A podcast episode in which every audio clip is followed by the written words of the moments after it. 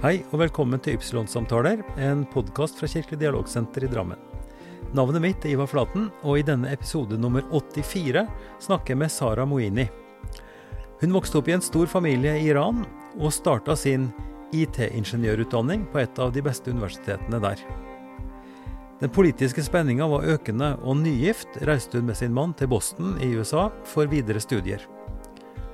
Hun kom til Norge for 39 år siden, og har hatt ledende stillinger i Norsk Data og Telenor, og fulgt den teknologiske utviklinga tett.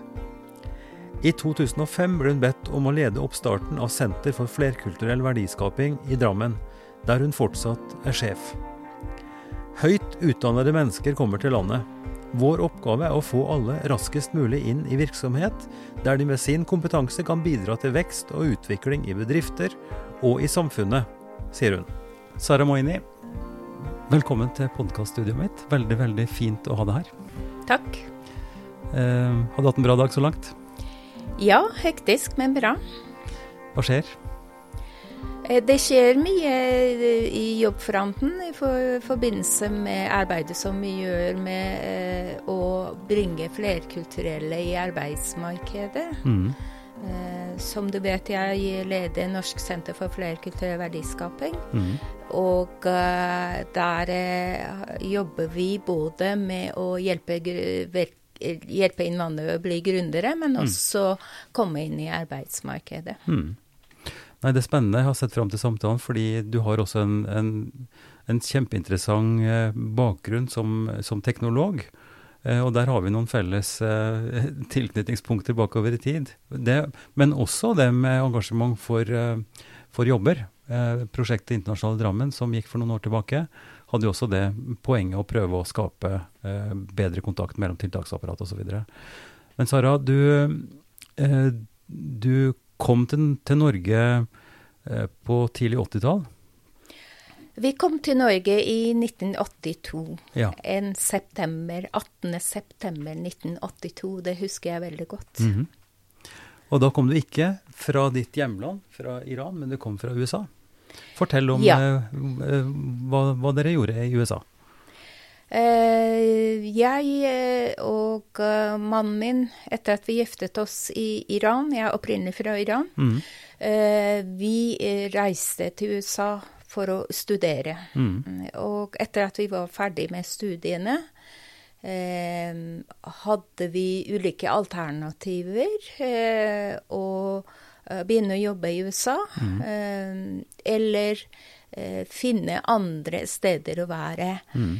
Det var ikke et alternativ å reise tilbake til Iran, fordi akkurat den tiden var det krig, og var det uroligheter i Iran. Mm. Så det dukket opp eh, tilfeldigvis muligheter for mannen min. Som han ble invitert til et uh, forskning, uh, postdoktorarbeid. Mm -hmm. Jeg bare fulgte med. Ja. Så det var kortvarig Det var snakk om kortvarig opphold. Ja. Nå er det blitt 39 år. ja. ja. Korte, korte opphold og korte tanker, de kan bli veldig lange. Men Sara, du kom jo du kom jo til Norge med en bakgrunn, for jeg har sett av, eh, av profilen din at du var også systemanalytiker eh, da, du, da, du, bodde i Boston på østkysten i USA. Ja. Eh, jeg eh, egentlig begynte med studiene mine i Iran, mm. i Teknisk universitet, som tilsvarende NTNU her. Ja. Eh, og uh, jeg studerte eh, matte og computer science. Faktisk en av første kvinnelige som begynte på det i 1974. Mm. Eh, og eh, hadde studert i Iran, men pga. uroligheter i Iran eh, ble universitetet stengt. Mm. og derfor jeg valgte å bli med min mann mm. eh, til USA og fortsette studiene der. Ja. Så i USA studerte jeg, videreførte jeg computer science-studiet. Mm. Både på bachelorgrad og mastersgrad. Mm. Og computer science, eh, kan du si litt mer spesifikt hva du var interessert i? Hva, du, hva, hva innebar de studiene? Um, I 1974 computer science var veldig eh, smalsporet. Hullkort, var, mener jeg husker. Svære, ja, hullkort, nokså primitive greier, så vil vi si i dag. Hullkort og store datasentraler og en mann bak luke mm. som tok imot eh, hullkort eh, og satte det inn i eh, maskiner, mm. hvor vi kunne få utskrift av de programmene vi hadde skrevet. Mm. Og da begynte jeg med Fortran eh, som eh, programmeringsspråk. Eh, så etter hvert det ble mer og mer eh, utvidet område. Mm. Eh, og i USA fokuserte jeg både på kjernen av hva er det som fungerer eh, får en datamaskin å fungere. Mm. Eh, helt dypt ned eh, programmeringsspråk. Mm. Eh, og også hva som eh, kommer i andre enden. Mm. Eh, når jeg ble ferdig med studiene, PC var ja, i ferd med å bli funnet opp. Mm. Eh, men eh, det var store maskiner ja. fortsatt det mm. var snakk om. Store maskiner og minimaskiner husker jeg var noen begreper der, på, men ja. det var monumentale greier. Det var, det var store, ja. store, store, maskiner som krevde mye strøm og mye plass, og, og ganske primitivt. Altså, da hadde man noe som het punsjedamer, husker jeg, ja. som, som, satt og, og, og, skrev det som var programmert, over på hullkort, som hullkort som da ble putta inn i maskinene som laga, laga ja. Ok, så dette er, dette er, liksom nesten steinalderen, på ja. en måte, i, ja. i, det som er i dag eh, daglig. Det er ingen som tenker over hvor, hvor, komplisert og hvor svære ting som vi egentlig har putta inn i de små telefonene våre nå. Ja, eh, og det eh, Men den forståelsen at hvordan hele datamaskinen er bygget opp logisk. Mm. Det har hjulpet meg å ha bedre forståelse for alt som eh, av eh, teknologier mm. og alt som av programvarer osv. Mm. mm. Eh, hvorfor det kan feile. Det er mye frustrasjoner blant vanlige folk. At hvorfor det kan ikke bygges noe som er uten feil. Ja. Men for meg er det forståelig fordi jeg forstår kompleksiteten som ligger bak i en sånn type teknologi. Nei, og når du, når du kom til Norge, da, så, så, har du også en interessant karriere som vi skal komme tilbake til. Men før vi gjør det, Sara, så har jeg lyst til å, å høre litt om eh, hvordan den unge jenta, Sara, i, i, Iran hadde det. det var, du vokste opp i Teheran, eller? Jeg vokste opp i Teheran. Eh, familien min var fra Nord-Iran, eh, Aserbajdsjan. Mm. Eh, jeg vokste opp med en veldig kjærlig familie. Stor familie med eh, seks eh, søstre og to brødre. Ja. Eh, og minste av søskenflokken, og selvfølgelig oppmerksomhetspunktet. Mm. Så jeg ble tatt veldig godt vare på um, eh, av både mine brødre, søsken, eh, mm. mor. Mm. Eh, vi mistet eh, vår far når jeg var ti år gammel. Mm. Eh, men for å si det sånn, det var så sterk familie, så sterke relasjoner, at eh, det ble ikke dramatisk eh, tap, selv om mm. det er viktig. Ja med fars rolle, mm. men uh, å ha så sterk familie rundt deg, eh, slike hendelser blir mindre dramatiske. Mm. Eh, min mor vokste opp eh, nesten like stor familie, helt andre forhold naturligvis, i, på Dombås. Eh, men også Hun hadde åtte søsken og en fosterbror. Mm. Så, så, de var også like, måte like mange, men der var det også Det var ikke alle som bodde hjemme hele tida der, fordi de store de flytta ut osv. Men du er også lille, lillesøster. Ja. Mm. Eh, kan du si litt om eh, hvordan det var altså i nabolaget deres? Hvordan eh, var det å vokse opp der? Ja, vi var såpass stor familie at vi, vi søsknene var hverandres lekekamerater. Vi bodde i et stort hus med stort hage, mm. og vårt lekegrind var hagen. Mm. både og alle mulige lek og fantasilek, og at vi føler at den gangen var det ikke så mye leketøy. Og Nei. vi kjøpte ikke leketøy. Vi lagde våre leketøy selv. Mm. Eh, og det syns jeg det var veldig spennende. Mm. Hvordan vi hadde fantasien og bygge hus av uh, stein og uh, mm. uh, treplanker, eller lage film, fotoapparat med bare en liten kasse og lommelykt osv. Så, videre. så det, det, føler jeg at den nøkternheten det har jeg tatt med videre. Mm. og å se dagens unge med et rom eller et hus fullt av leketøy.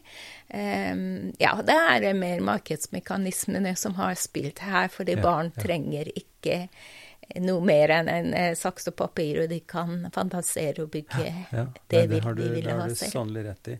Uh, hva var det dine foreldre, eller da mor, uh, hva var det dere levde av i den store familien? Uh, min far var eh, forretningsmann. Eh, drev med import. Mm -hmm. og eh, angro eh, på ulike produkter eh, osv. Mm. Eh, jeg jobber selv Jeg har jobbet lenge selv som jeg vil kalle det som forretningsutvikler. Mm. Men ved tilfeldighet oppdaget jeg at min fars første etternavn var noe på iransk som heter business developer. Da tenker ja. jeg kanskje jeg har arvet genene fra min far, eh, som har vært veldig eh, um, opptatt av for, dri å drive ja, ja. forretninger. Ja, mm, nettopp.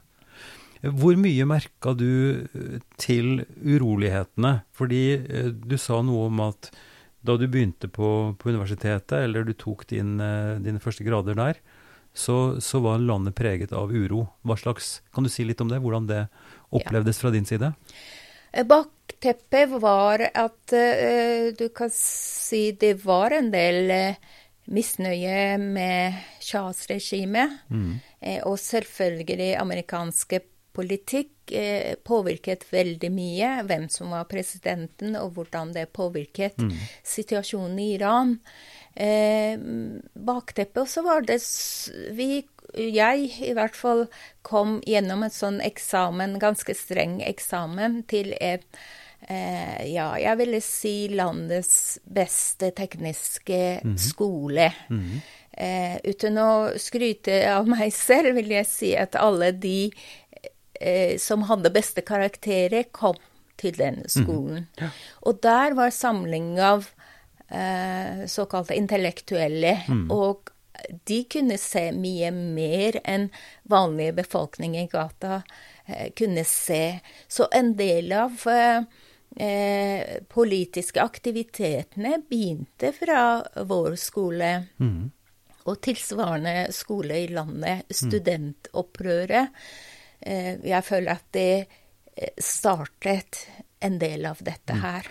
Men, dette, men dette var et opprør, eller en, eh, altså en bevissthet eh, som først og fremst var rettet mot, mot USA og, og, den påvirkningen derfra, eller?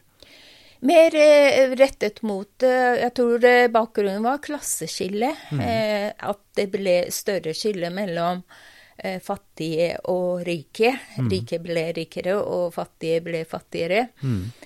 og jeg føler at religionen var et instrument for å, uh, for å prøve å forene landet, men det var uh, økonomiske kriser som startet en del av de opprørene. Mm. Og studenter og de intellektuelle var samlet, og de kunne snakke sammen, og de kunne planlegge demonstrasjoner. Så uh, i perioder var det ganske heftige demonstrasjoner i skolen. Mm. Eh, og uh, politi som var til stede, som prøvde å slå ned på demonstrasjonene. Mm. Eh, så det ble mye uroligheter. Mm. Eh, av og til det ble farlig å dra på skolen. Ja. Eh, og i perioder skolen ble stengt. Mm. Vi, vi, er jo kjent nå med hva som skjedde i 79, og, og med den sterke skal vi si, makten som ble samlet i religiøse ledere. Mm.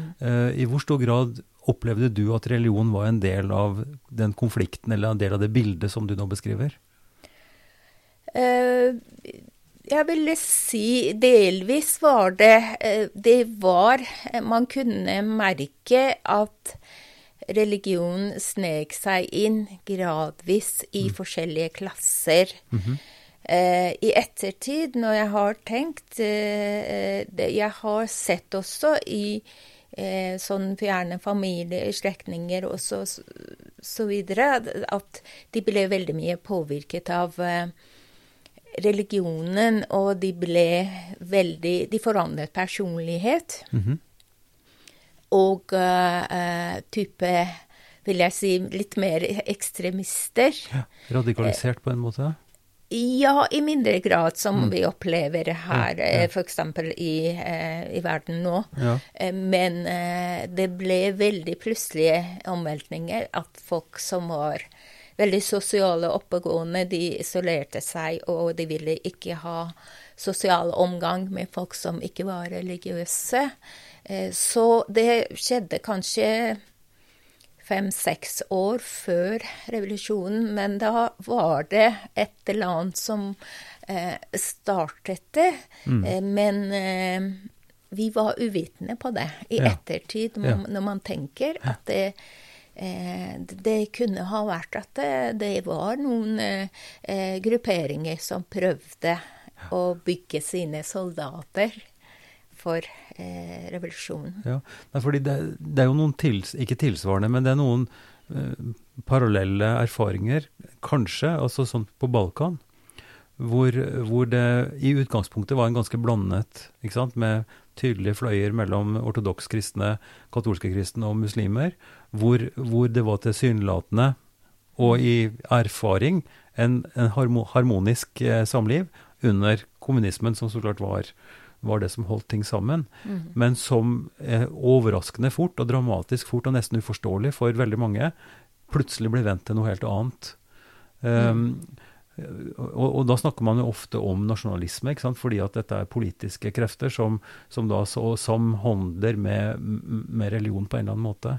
Eh, jeg vet ikke, jeg, jeg kan overhodet ikke nok om Iran til å kunne si noe sånt noe, men det du sier, altså at det foregikk prosesser innunder overflaten, som plutselig resulterte ja, det, i, i, dette? Delvis eh, det, eh, og jeg tror egentlig eh, jeg, jeg, klarte ikke forstå hvordan enkelte familiemedlemmer blir så, eh, så ekstreme.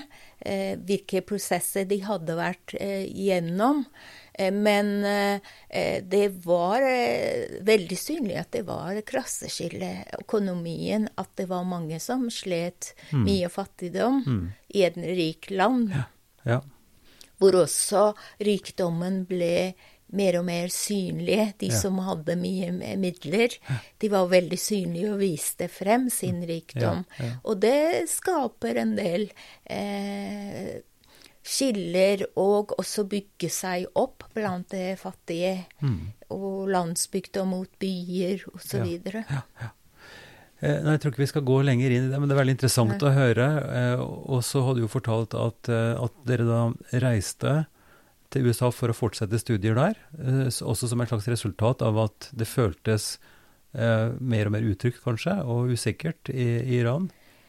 Eh, både og. Eh, jeg ble ikke ferdig med min utdannelse fordi universitetet ble stengt for ett år. Ja. Eh, min mann ble ferdig, så han hadde stipend for å reise til USA, og mm. jeg valgte også å bli med han. Mm.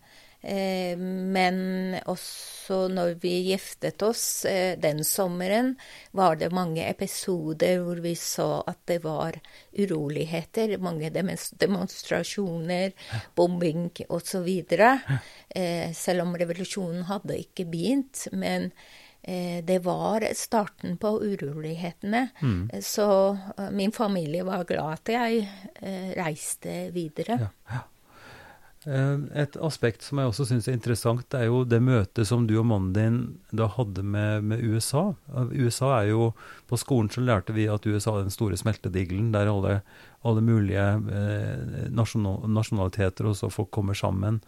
Eh, men du har jo nå et slags sammenligningsgrunnlag som er morsomt, fordi du opplevde å komme til USA først og bli en del av studiemiljøet der, eh, også en del av arbeidslivet, og så til Norge på begynnelsen av 90-tallet som to veldig forskjellige ting.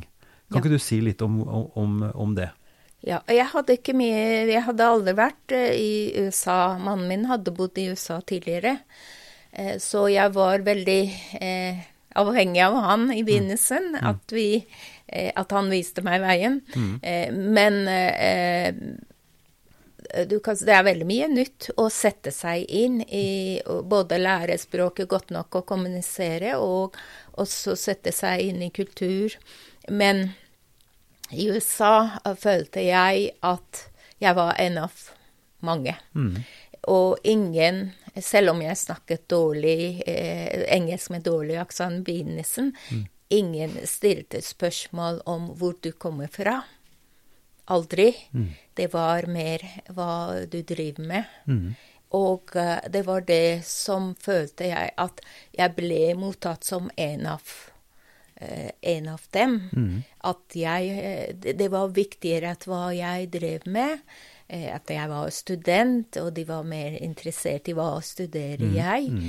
enn hvor er min opprinnelsesland, og hvor kommer jeg fra? Eh, jeg følte at jeg ble aldri satt i bås. Mm. Jeg, selvfølgelig jeg var mye student, og uh, i studentmiljøet var jeg veldig åpen og inkluderende.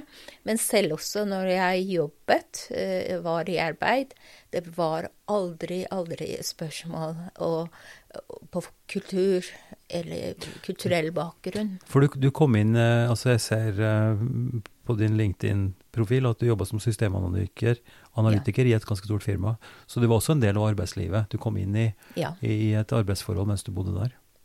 Ja, eh, og eh, det, det var igjen eh, Der var jeg en, en kompetanse, mm. en ressurs, mm. ikke en som skulle integreres i. Nei, nei. For det, det er ja, smeltedigel, USA. At det er så mange land, og man ville aldri spørre hvor du er fra. Og selv de som er født og oppvokst der, flytter fra område til område. Ja, ja. Og uh, det er aldri et eh, spørsmål om hvor, eh, hvor du har opprinnelse fra. Men hvem er, eh, hvem er, du, og hva du mm. driver med? Det er en mye større dynamikk. Det er faktisk interessant. Det har jeg ikke tenkt så mye på, men at, at, jeg vet jo også det. At det er en stor Man flytter ganske ofte. Ja. Flytter med jobber. Man får nye jobber og flytter med det, mens her hos oss er man mer kanskje fastboende i den forstand at man, eh, at man ikke så lett flytter på seg. Men, men så, eh, fordi en, eh, din mann fikk en jobb i, i Norge, så flytta dere. Og ja. da var det en helt annen opplevelse, har jeg forstått. Ja, jeg føler at vi igjen også først på flyplassen Køen til, på flyet til Norge. Jeg merket allerede at folk ser litt rart på meg. Ehm, jeg skjønte ikke, jeg var veldig ung, og, og så hadde vi et eh, lite barn. Mm.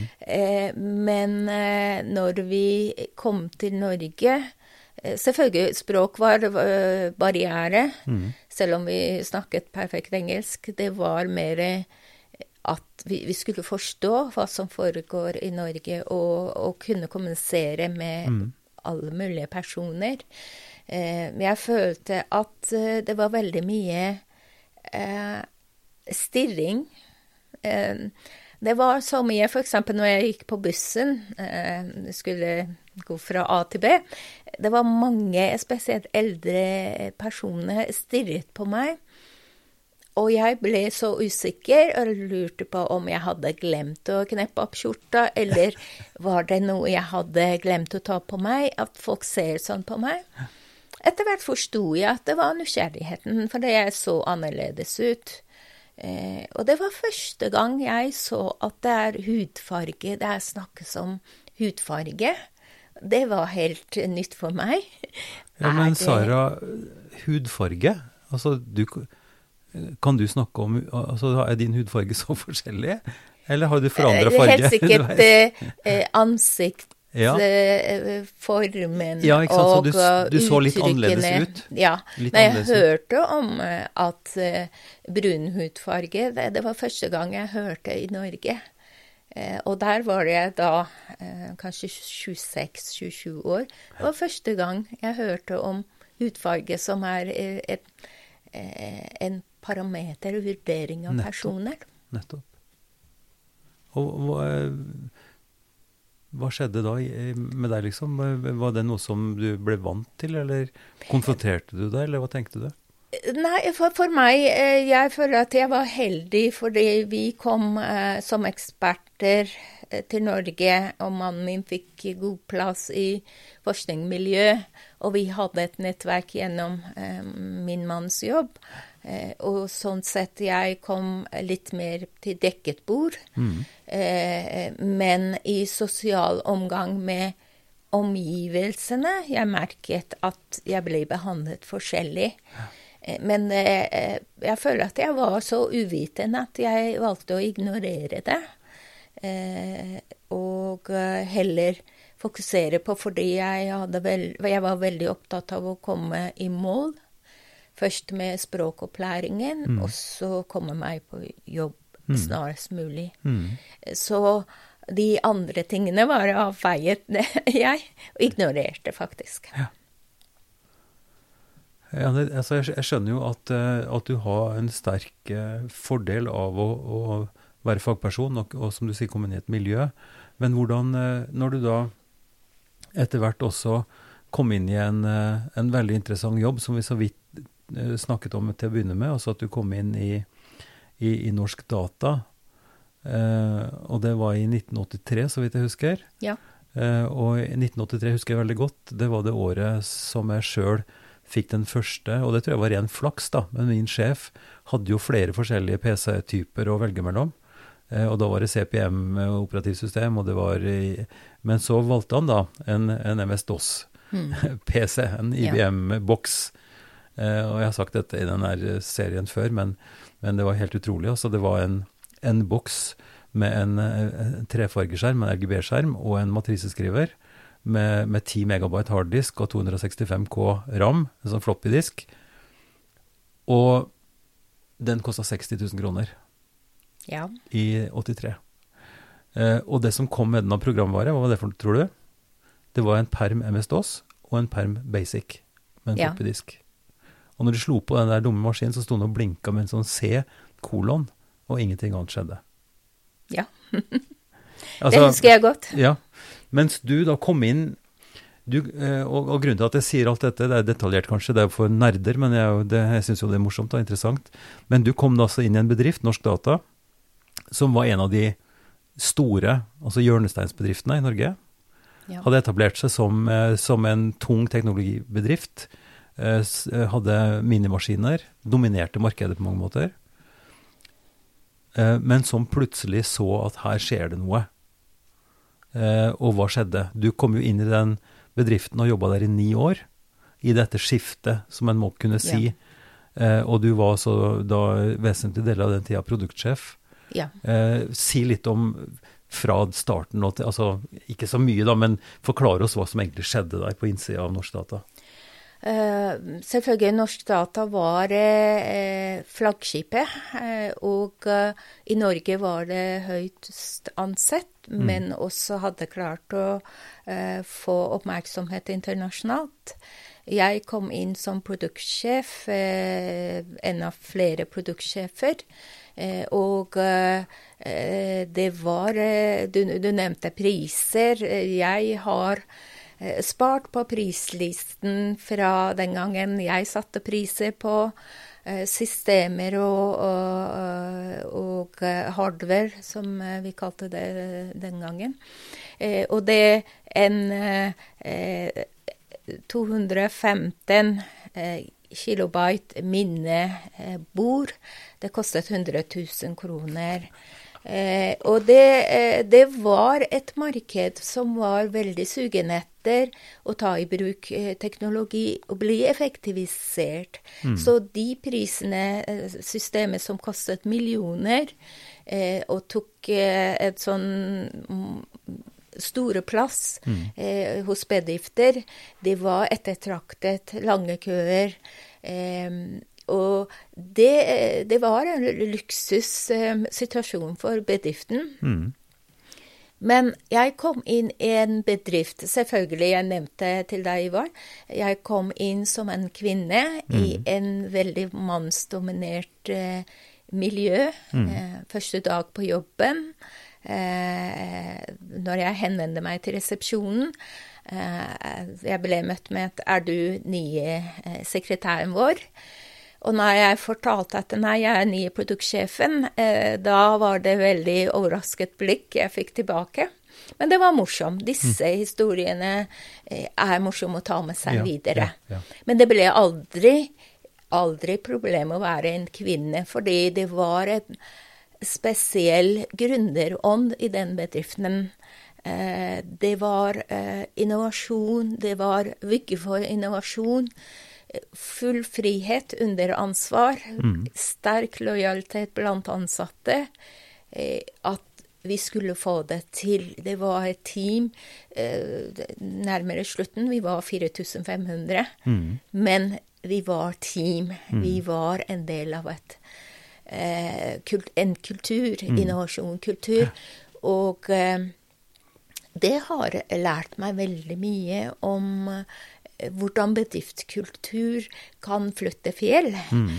Eh, at det har vært veldig, veldig viktig eh, du kan si eh, middel for å nå målene. Mm. Men selvfølgelig, eh, som alt annet, eh, det var en teknologikappløp. Eh, vi var veldig opptatt av å uh, få frem våre løsninger mm. og gjøre det selv, mm. eh, mens andre begynte å se på og samarbeide med andre og ta tak i nyeste teknologi og bygge videre på det. Mm. Vi ble litt blind på det. Mm. Og uh, veldig opptatt av å egentlig vi skulle lage våre egne systemer, mm. og det var det som var verdens beste. Ja. I dag vil jeg påstå også at vi utviklet verdens beste operativsystem. Vi utviklet verdens beste eh, tilsvarende Microsoft-pakke. De løsningene jeg ser nylig, en del av de funksjonene som vi, vi hadde med, de dukker opp. Men det som ble utfordring, det ble billigere løsninger, mm. som kom bl.a. fra IBM, IBM og Digital mm. Corporation og uh, også etter hvert Apple. Mm. de tok markedsandeler. Og som de som har fulgt med at selskapet gikk konkurs til slutt fordi vi klarte ikke å snu oss i tide for mm. å bli med på den trenden. Nei det ble for stort og for, for, tungt og for på en måte kanskje litt nærsynt også. Ja. Fordi, fordi, det var et, som du sier, et sterkt miljø hvor man hadde stor tro på, på egen innovasjonskraft og også på produktene. Ja. Eh, men, så, men så er, er ikke, dessverre, da, nødvendigvis slik at det er det beste som, som slår gjennom. Det er exakt, det som, som, treff, som, treff, som, treffer best eh, i forholdet mellom pris og ytelse, hva som er populært osv. osv. Vi var så stolte av våre løsninger, og det med rett, jeg vil si. Eh, at vi ble litt uh, døv eh, ja. og hørte ikke på andre hva som foregikk ute i ja. verden. Ikke sant? Og det fins parallelle historier som er veldig interessante, både med Nokia, ikke sant? Med, med mobiltelefonene som, som, var åpenbart verdens beste, men som da ikke så eh, trenden, eller Kodak. ikke sant? Fra, fra, ja. fra film til, til digitale foto ja. osv. Mm. Hvor man er så overbevist om egen fortreffelighet at man glemmer å, å se seg i bakspeilet eller ja. Eh, men, men, ok, eh, du satt midt oppi det, og dere måtte finne ut av det. Hva skjedde? Nei, vi snudde oss altfor sent. Eh, jeg var med på den bølgen hvor vi erkjente at ja, vi må sette til side våre egne produkter og samarbeide med, med andre. Blant annet vi satte i gang samarbeid med IBM, Apple eh, osv. Mm. Eh, men eh, det løpet du kan si Dette var en mindre enhet i store systemet. Mm. Største tyngden gikk på å lage fortsatt de store maskinene mm. osv. Og, så og vi klarte ikke å snu oss i tide. Og pga. økonomiske problemer og ja. mange andre eh, problemer. Det ble eh, Ja, selskapet ble jo slått konkurs. Mm, mm. Jeg var med helt Ikke til siste dagen, men nesten. Så da det ble konkurs, vi mistet alle jobben. Ja. Um, vi har vel òg en felles altså en person som har gjort seg bemerket, det, også i, i norsk datasammenheng, men også i det som mange lærere, i hvert fall, da, som eh, fra tilbake vil huske med Kon-Tiki-maskinene, ja. Lars Monrad eh, Krohn.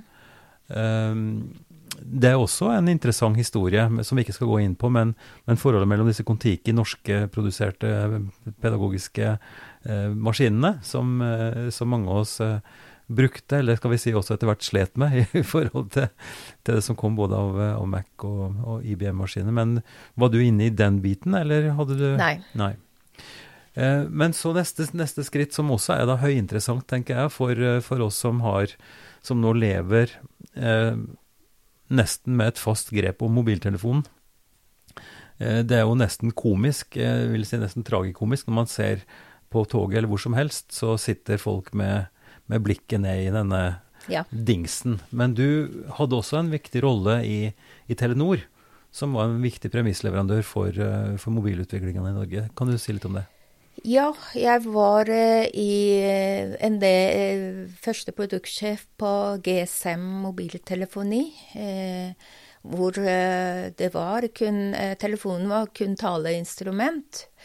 Men etter hvert også det kom nye teknologi hvor man kunne se på flere funksjoner man kunne ha, og også man kunne bruke eh, mobilnettverket til andre ting. Fjernstyring eh, av eh, eh både type smarthusløsninger. Jeg var med eh, nesten ja, jeg husker ikke 25 år siden på eh, første smarthusløsning som vi bygde og hadde utstilling på. Mm.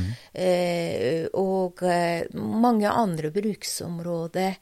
Men også vi var altfor tidlig ute med disse konseptene. Eh, befolkningen Folk var ikke modne nok å ta i bruk teknologien, selv om vi syntes det var veldig spennende. Det var veldig mange muligheter enn å mm. bare ringe med telefonen. Mm. Eh, det var veldig treg, eh, og det tok veldig lang tid for å få folk med. Mm. Eh, med oss eh, på dette her. Mm. Eh, og det føler jeg også etter hvert. Det har tatt nesten 20 år, 15 år, mm. til det er blitt modenhet til bruk av teknologi for andre områder. Mobilteknologi for andre områder. Mm. Og det der er jo også et sånn tveegget sverd, vil jeg si. Altså det med, med teknologiavhengigheten. Én ting er jo det sosiale aspektet. Du, du, var jo ikke så lenge med i, i Telenor at du så overgangen til smarttelefonene. Eh, ikke sant? For den kom jo hvis vi, ja, vi kan jo si at den kom kanskje med, med iPhone til Steve Jobs da i 19, altså 2006-2007, rundt der. Eh, mens du da var over i annen virksomhet. Ja. Men, men, altså teknologien, eh, Sara, har jo også den skumle, skumle baksiden at man både som vi sier, sosialt, eh, med de sosiale mediene, avhengighetsskapning som vi ser mer og mer av nå, men også usikkerheten eh, ved at ting faller ned. Altså at, eh, at forbindelsen blir borte. Alt det som nå går på internettstyring, smarthus, som du sier, til og med ned i varmeovner og what's not. Ja. Eh, hva skjer altså når da Enten fordi at man har en eller annen, i verste fall et angrep, ikke sant. Eh, eh digital eh, cyberkrigføring eventuelt, men også solstormer, eller ikke sant. Det er et ja. eller annet med fallhøyden blir veldig stor. Ja. Hva tenker du om det? Det er klart vi er Ja, det er riktig å bruke ordet. Vi er blitt slaver av teknologi. Og stor, eh, det har skapt stor avhengighet. Men også hvis vi tenker hvordan vi jobber i dag i forhold til hvordan våre foreldre jobbet. Mm. Hvis vi tenker hvor mye vi får gjort mm. eh, med så lite innsats. Vi må takke teknologien for det. Eh, samtidig også vi må være hele tiden klar over at vi gjør oss mer sårbare når vi blir så avhengige av teknologi. Heldigvis har jeg tro på eh, de ekspertene som jobber med sikkerhet, eh, at de tar vare på den delen for oss. Eh, så at for oss teknologi som instrument for effektivisering og, og bedre hverdag, det syns jeg det er veldig viktig. Og det er kommet til å bli. Mm, ja, det er, det er, klart det er kommet for å bli. og men, men det også handler om en slags modenhet og en slags eh, risikoanalyse, vil jeg si.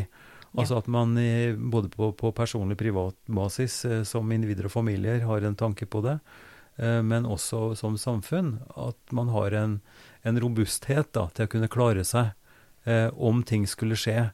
Fordi er det noe vi har lært, og noe vi vet, så er det jo at skifter kan komme brått, og, og hvor, hvor, vi som, eh, som, individer også må uh, kunne klare oss uten mm. bare å liksom trykke på en knapp, og at alt skjer uh, automatisk. Så, men, men, dette er jo altså Jeg vil ikke si at det er dystopisk, for det er realistisk på en måte. ikke sant? Det å kunne begynne å, å, å, sette poteter på plenen sin, eh, eller, eller, begynne med grønnsaker og sånt. Og det er jo noe vi har sett faktisk en økning på i, i pandemiperioden nå, ikke sant? Yep. Så dette er liksom en slags tosidig sak, tenker jeg, som handler både om, om realisme og modenhet og, og, og ekspertise. Altså mm. grunnlagsekspertise. Ja. Eh, ikke bare å kunne trykke på de riktige knappene på et program og en app, men også kunne de mest basale ting, da. Ja. Eh, som også er teknologi, ikke sant. Eh, og noen vil jo si at eh, på det afrikanske kontinentet f.eks. så er det så, så, så lavgradig teknologi. Dvs. Si man har ikke kommet så langt i, i, avhengighet, slik at hvis noe veldig dramatisk skulle skje, mm. så er mm. kanskje de som da er vant med å klare seg på et lavere nivå, bedre stilt, på et vis.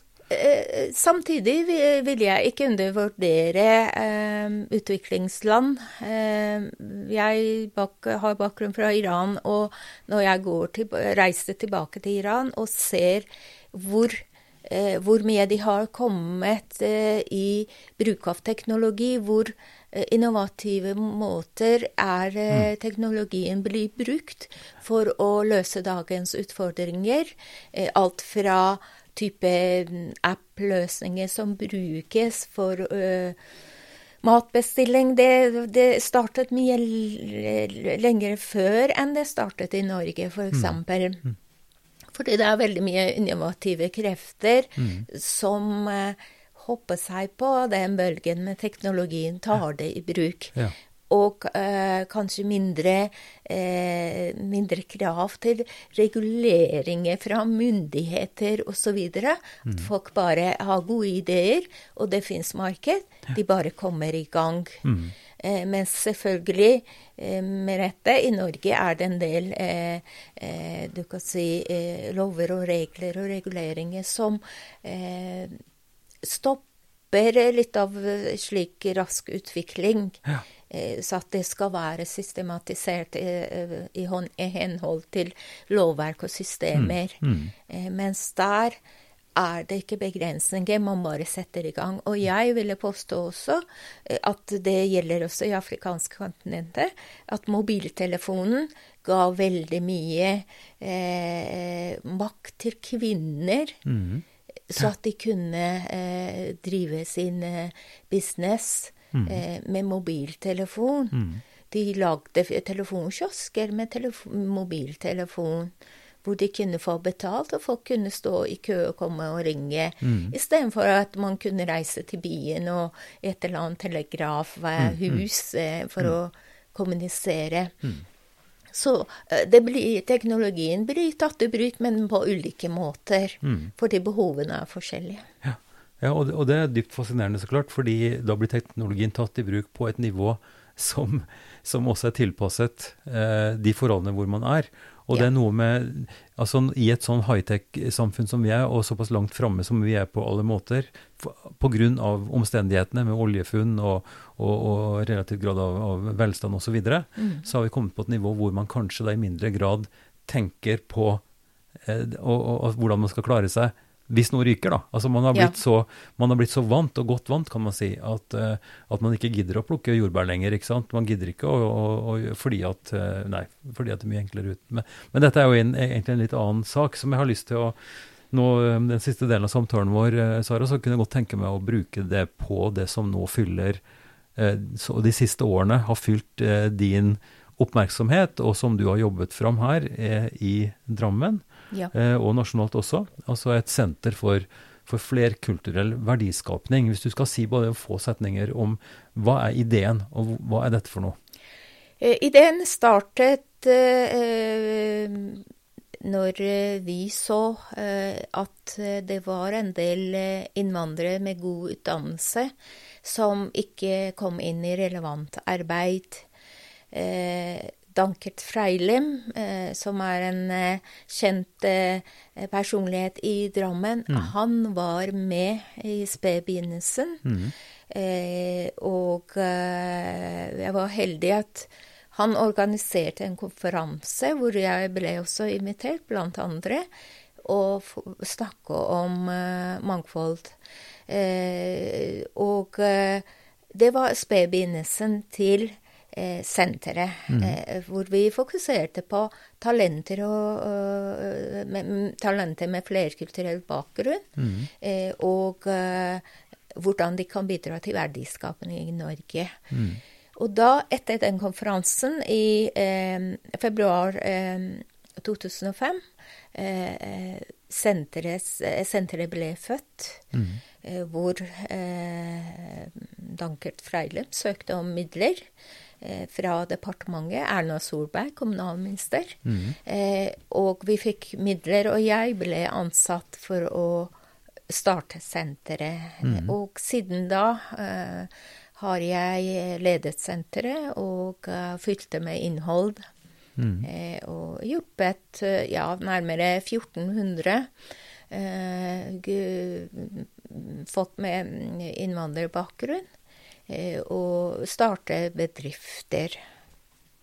Altså du med din bakgrunn som ja, skal vi si innvandrer, altså kommet eh, som teknolog til Norge, opplevd det du har gjort, både med Race and Fall, kan man si, gjennom eh, Norsk Data, og, og også da erfaringen fra, fra ledelse, produktledelse, kommer da til Drammen, eh, og vi er jo stolte av å si at Drammen er kanskje en av de byene hvor man har størst tilfang av skal vi si, dynamikk, i den forstand at det er folk fra veldig mange deler av, av verden som da eh, i en negativ kategori blir satt, satt, som innvandrere og et problem, og man hører at eh, innvandrerregnskapene de, de, er negative. Det koster mye, mye mer enn det smaker, vil noen politikere si.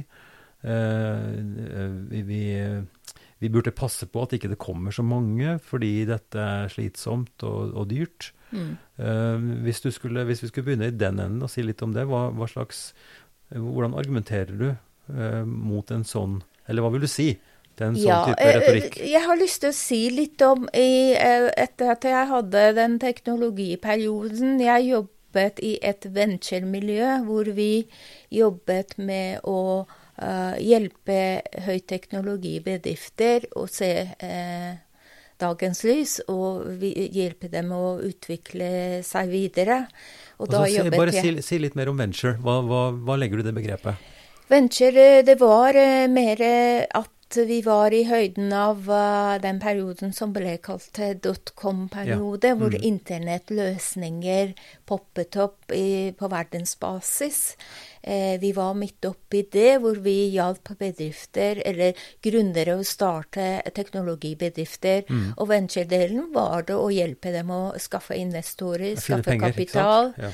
ressurser. Mm. Eh, vi gikk inn med eierandeler og hjelpe dem. Mm. Eh, og det var det der å, å, se at det er klart det er talenter, det er mange ideer som kan se dagens lys med rett hjelp.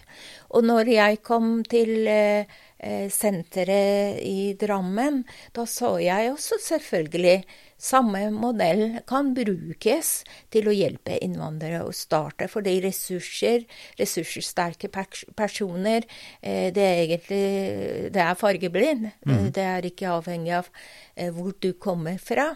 Men jeg oppdaget fort at vi, vi, trenger å gjøre litt andre innsats mm. for at den gruppen skal komme videre.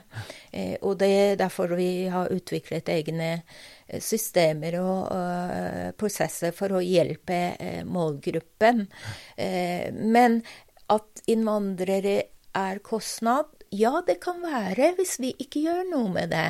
Hvis vi lar dem sitte hjemme og ta imot eh, eh dagpenger istedenfor med lite hjelp hjelpe dem å eh, åpne dører for de og hjelpe dem å bli bedre kjent med det samfunnet de har mm. kommet til. Mm. Eh, da føler jeg at resten egentlig De har så mye ressurser i seg at de klarer det.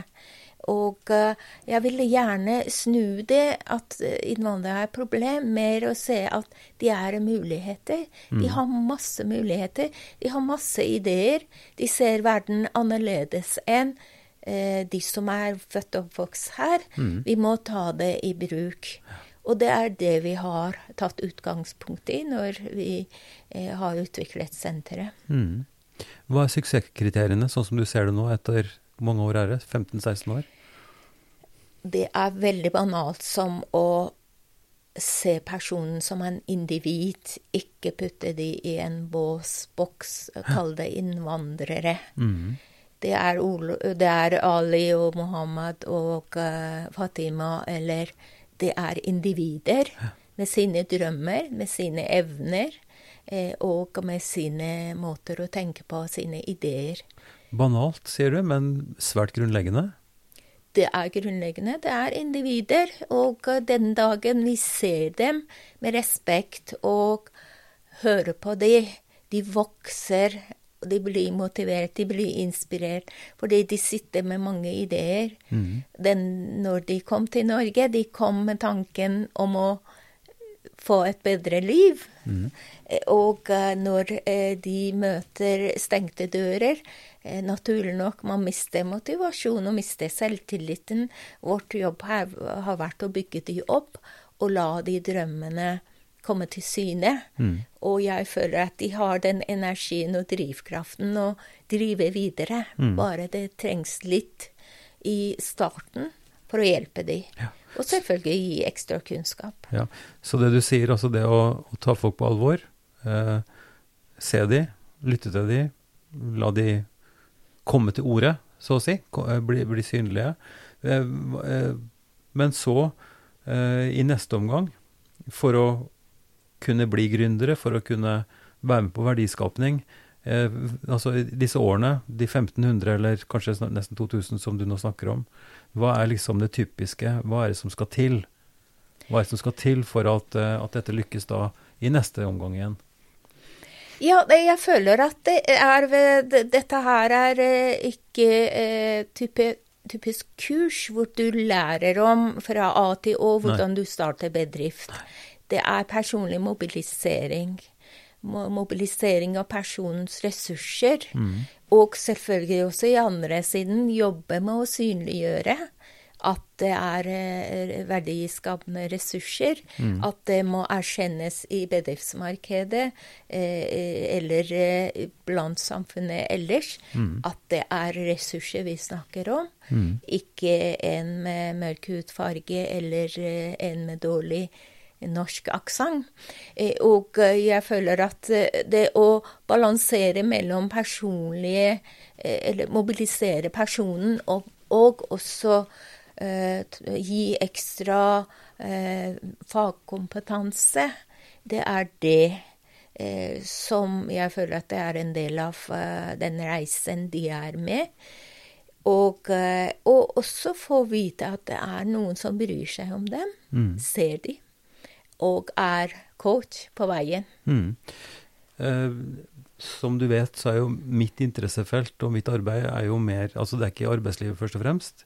Det er jo ikke som bedrift, men, men som medmenneske og som på en måte sosial entreprenør, om du vil, for å skape de arenaene eller de stedene, de situasjonene hvor kontakt kan skje, og hvor gjenkjennelse og sympati og vennskap eh, potensielt også kan skje. Mm. Hva er din erfaring, eh, og hva vil du si om, om den, skal vi si, den myke delen, da?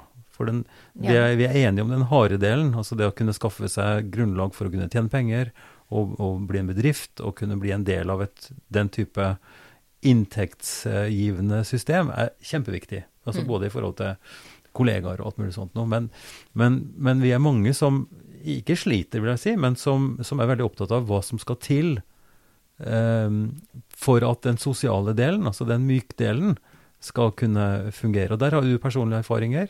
Ikke sant? Eh, og der, hva, hva, er, hva er det du ser? Eh, ja, det er det jeg føler. Så vi eh, nå også kjører vi noe løp for arbeidsledige som ville komme i arbeidslivet.